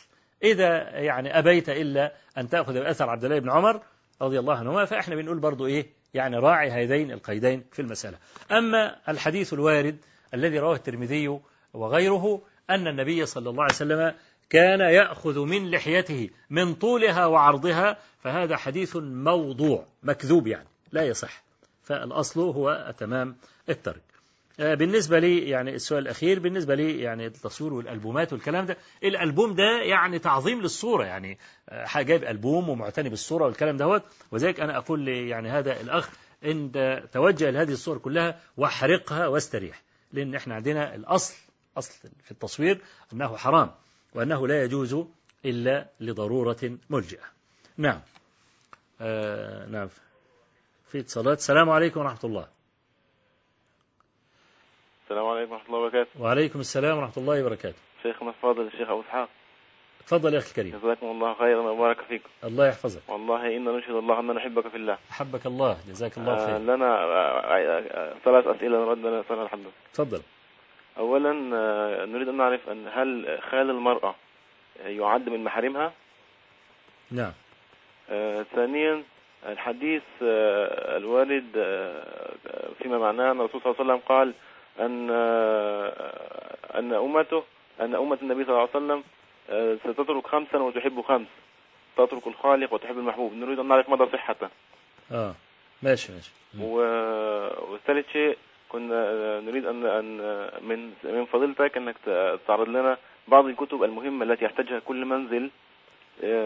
يريد أن يعرف أن ال- ال- العلوم الشرعية كأساسيات لابد أن تكون في كل منزل. طيب ماشي. فجزاكم الله عنا خيرا. بارك الله فيك. نعم. السلام عليكم ورحمة الله. السلام عليكم. السلام عليكم. وعليكم السلام ورحمة الله وبركاته. وعليكم السلام ورحمة الله. تفضل. السلام عليكم. وعليكم السلام ورحمة الله. نعم. آه. أسمعك. السلام عليكم. عليكم السلام ورحمة الله وبركاته. اتفضل يا أخي اتفضل. لو سمحت حضرتك. اتفضل. ال- إحنا عايزين نرجو من حضرتك بالنسبة لقناة الحكمة وقناة الناس إن في حاليا دلوقتي برنامج للشيخ محمد حسان وفي برنامج لحضرتك دلوقتي فإحنا دلوقتي محتارين ما بين قناة الناس وقناة الحكمة. طيب. فهمت ما تريد. نعم. السلام عليكم ورحمة الله. السلام عليكم. وعليكم السلام ورحمة الله وبركاته. ازيك يا سيدنا؟ الله يحفظك. ازي حضرتك؟ الله يحفظك. الحمد لله. اني احبك في الله. حبك الله. جزاك الله خيرا. حضرتك آه، عندي سؤالين. تفضل. آه، بالنسبة حضرتك لنقل موضوع نقل الأعضاء. نعم. لو آه، يعني في واحد محتاج لنقل أعضاء ومفيش حد راضي إلا بفلوس. مم. فده يجوز ولا لا يجوز؟ نعم. طيب في سؤال تاني؟ نعم. في حاجة تانية يعني؟ آه آه، طبعا أنا يعني آه، محفظ قرآن وكده. آه. وعندي يعني فكرة عن مصطلح يعني درست كده في ال-. في أثناء الدراسة يعني في ال- في الأزهر يعني حاجات خفيفة كده عن المصطلح ال- الحديث. آه. لكن حضرتك آه، يعني دلوقتي أنا فوق سن ال 40 ينفع اتعمق في العلم ده؟ يعني بسمع. حضرتك في ال- في البرنامج يعني حضرتك بتذيعه ده طيب حاضر. طيب ماشي. نعم. نعم. في اتصالات أخرى؟ السلام عليكم. طيب خلاص. طيب خلاص دي آه، خلاص دي آخر اتصالات. ها؟ طيب ماشي. بارك الله فيك. آه، طبعا هو بيسأل خال المرأة من محارمها. نعم من محارمها. آه، والحديث اللي هو بي أن الأمة تترك خمسة تفعل خمسة هذا حديث منكر لا يصح. وعايز بعض الكتب اللي هي التي يحتاجها ال- الإنسان أو الرجل أو المرأة في البيت. طبعا إحنا في كل فن من الفنون. آه، ممكن آه، نعين بعض الكتب اليسيرة. فنقول مثلا في الع- في العقيدة. ممكن ناخد آه، ال- الكتب زي مثلا آه، كتاب آه، التوحيد آه، لشيخ الإسلام محمد بن عبد الوهاب وأفروع الكتاب زي مثلا الفتح المجيد تيسير العزيز الحميد. أو كتاب مثلا القول المفيد الشيخ ابن عثيمين. آه، فإن ترقى قليلا ممكن ياخد شرح العقيدة الطحاوية لابن أبي العز الحنفي بتخريج الشيخ الألباني رحمة الله عليه. آه، وفي برضو كتب يعني مفردة في آه، العقائد ممكن تكون أيسر من كده يعني. في الفقه لو خد فقه السنة مثلا أو خد منار السبيل منار السبيل طبعا جيد ليه؟ لأنه معتنى بتخريج أحاديث. يعني شيخنا الشيخ الألباني رحمة الله عليه خرج أح- أحاديث كتاب منار السبيل في كتابه المشهور إرواء الغليل بتخريج أحاديث منار السبيل. وطبعا أي حد بيقرأ في آه، كتب الفقه بيبقى عايز يتأكد من صحة الأحاديث التي احتج بها صاحب الكتاب هل هي صحيحة أم لا. الشيخ الألباني رحمة الله عليه آه، خرج أحاديث الكتاب كلها فأنت تستطيع أن تستفيد بأكثر الطرق وتستريح من قصة صحيح وضعيف بمطالعة كتاب إرواء الغليل. ولو عنده برضه كتاب فقه السنة مع تمام المنة برضه لشيخنا الألباني رحمة الله عليه فهذا أيضا جيد. بالنسبة للتفسير عندك تيسير الكريم الرحمن كتاب الشيخ السعدي رحمه الله برضه كتاب لا بأس به. آه، مختصر تفسير أحمد شاكر. أحمد شاكر لأن في ناس اختصروا تفسير ابن كثير وليست عقيدتهم عقيدة السنة والجماعة بل بالعكس يعني آه، اختصروا وأدخلوا أشياء في تفسير ابن كثير. آه، دي أشياء ليست جيدة. آه، عمدة التفسير عن الحافظ ابن كثير للشيخ أحمد شاكر رحمة الله تعالى عليه. يعتبر من أجود المختصرات لتفسير ابن كثير رحمة الله عليه. برضو كتاب آه، محاسن التأويل لجمال الدين القاسمي. برضو عبارته جميلة وكويسة ويعني ممكن تستفيد منها. يبقى بقى عندنا مثلا في الحديث تاخد شرح كتاب رياض الصالحين للشيخ ابن عثيمين رحمه الله. هو نزل آه، جزء منه حوالي سبع مجلدات تقريبا لكن إيه لا بأس به. اللي هيقتني بقى آه، يعني كتاب آه، ابن علان الصديقي اللي هو دليل الفالحين شرح رياض الصالحين فأنا بقول له يخلي باله من مسألة العقيدة. يخلوا باله من العقيدة. لو أي كلام في العقائد يبقى إيه يتحاشاه. آه، لكن أنا عايز مش عايز أعمل بلبلة وإن هو ياخد كتاب مش عارف إيه وما يعرفش يميز الكلام في العقائد وكده فعشان كده بندله على كتاب الشيخ ابن عثيمين رحمه الله لأنه كتاب برضه عباراته سهلة وبسيطة ومناسبة ل آه، آه، يعني أهل هذا العصر. آه، كتب الزهد والرقائق والكلام ده عليك بكتب ابن القيم رحمه الله لا سيما كتاب الفوائد مش بدائع الفوائد يعني بدائع الفوائد لابن القيم هذا كتاب عالي جدا جدا. يعني ما يعرفش يغوص فيه إلا الناس اللي هم يعني كعبهم عالي قوي في العلم. لأن ابن القيم كان بينقي زي صيد الخاطر كده ينقي المسائل المعضلة ويحاول إن هو يحررها ويدخل بقى في مناظرات مع العلماء وتحرير المسألة. فده كتاب تاني. لكن كتاب الفوائد اللي هو كتاب مجلد لطيف يعني كتاب جيد جدا. برضو كتاب إغاثة اللهفان أو مختصراته أو كتاب مدارج السالكين أو مختصراته. أو طريق الهجرتين. يعني ابن القيم عموما يعني كتب ابن القيم الحقيقة فيها زاد آه، هايل جدا لمن يريد إن هو إيه يعني آه، آه، يجلي سلامة قلبه. والشيخ آه، محمد حسين يعقوب حفظه الله ونسأل الله أن يرجعه بالسلامة إلى يعني أهله وإلى بلده. بيشرح في قناة الحكمة كتاب الداء والدواء. والشيخ محمد ده راجل متخصص في هذا الباب يعني. فأنت برضو تتابع معاه شرح كتاب الداء والدواء. وبرضو الشيخ أبو أحمد الشيخ محمد حسان حفظه الله برضو يشرح كتاب حقيقة التوحيد. برضو تقدر تاخد كتاب حقيقة التوحيد بمناسبة كلام على العقائد. تاخد برضو تشتري نفس الكتاب وتبتدي تتابع مع الشيخ أبو أحمد آه، شرحه على آه، كتاب التوحيد. وطبعا لما الكتاب يشرح يعني يكون الكتاب أنت بتشرح وعندك الكتاب مشروحا ده لا شك إن هو بتكون فوائده كثيرة. نعم. أما بالنسبة لي يعني صاحبنا الذي يتكلم عن تضارب المواعيد في يعني قناة الحكمة وقناة الناس هذا أمر ليس بأيدينا. آه، وبعدين آه، ليس من المتصور يعني أن أبدأ أنا برنامجي قبل صلاة المغرب. أبدأ قبل صلاة المغرب. يبقى لما لما يؤذن أو بعد صلاة المغرب هيؤذن للعشاء. طب هذا المستمع. اللي هو بيسمع ويريد أن يلاحقني في أخذ المعلومة. ما هو لازم يسيب المكان ويروح يصلي. لابد أن يلبي النداء وأن يصلي في المسجد. فنحن حريصون على أن كل برنامج الرئيس يعني عقب صلاة العشاء. عشان برضو أنت تروح تصلي في المسجد وتيجي. القصة عندنا مش قصة حشو الدماغ إن أنا أديك معلومات. لا. القصة أن أن أن أننا نستقيم جميعا. أنا وأنت على الدين. ننفذ الدين. لكن يعني إيه الفايدة؟ أقعد أكلمك وأنت قاعد قدام ال ال ال بتشاهد البرنامج والعشاء بتؤذن وأنت قاعد ما بتروحش تصلي إيه اللي استفدناه يعني؟ ما أقصدش إن أنا احشي دماغك معلومات يعني. إنما آه إنما الذي أقصده إن إحنا نقيمك على طريق الإيه؟ على طريق الهداية والالتزام. فطبعا إحنا يعني زي ما أنا فهمت من الإدارة لأن المسائل الإدارة أنا ماليش فيها يعني. مسائل الإدارة ماليش علاقة بيها.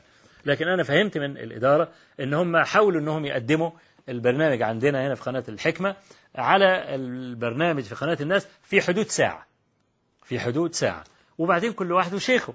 يعني انت بتحب الشيخ محمد خلاص اسمع الشيخ محمد. بتحب بتحب تسمعني خلاص اسمعني. مفيش مشكلة. يعني نقل الأعضاء اللي أنا يعني أنا كنت أجري فيها بحثا بس أنا ما كملتوش. فلذلك أنا مش هقدر أتكلم فيها حتى أصل إلى نهاية البحث حتى أذكر شيئا أدين الله به. نعم. والأخ اللي بيسأل أخيرا عن آه، أن هو 40 سنة ومحفظ قرآن ويعرف شيئا من المصطلح هل ممكن يتعمق وممكن يصل إلى حاجة؟ نعم. يمكن بعد فضل الله سبحانه وتعالى بالهمة العالية. إذا كان عندك همة لا مستحيل. لا مستحيل. لكن المسألة تحتاج إلى همة عالية وتحتاج إلى حب خالص. إلى حب خالص. أول ما تقول آه تشتكي يبقى روح. روح ما تنفعش. ليه؟ لأن العلم تقيل والعلم آه، واسع جدا يعني. فأنت لابد أن أن تكون محبا. تحط العلم قدامك نقطة كده قدامك ثم تصوب النظر إليها. لا تلفت بصرك عنها. إذا عجزت أو كنت تعلم من نفسك أنك لست من أصحاب الملكات اللي ممكن تستوعب وليس عندك هذه الموهبة فليس بعيب. لكن يبقى في هذه الحالة تستعيض بقى يكون لك إيه؟ آه، ما فيش مانع تعرف مصطلحات العلم بحيث لما تبقى قاعد في وسط الناس تبقى فاهم. هم بيقولوا إيه؟ يقول لك مرسل مرسل صحابي ده تدليس ده ده إعضال ده إرسال ده تعليق ده مش عارف إيه. تبقى فاهم إيه الدنيا ماشية إزاي يعني. وتقدر إيه؟ لو تكلم حد من أهل العلم في المسألة تقدر برضه إنك أنت تبقى مستمتع بإيه؟ بالفهم حتى وإن لم تكن من أهل التحرير في هذا الفن. ونسأل الله تبارك وتعالى أن يجعل ما قلناه وما سمعناه زادا إلى حسن المصير إليه وعتادا إلى يمن القدوم عليه إنه بكل جميل كفيل وهو حسبنا ونعم الوكيل وصلى الله وسلم وبارك على نبينا محمد والحمد لله رب العالمين.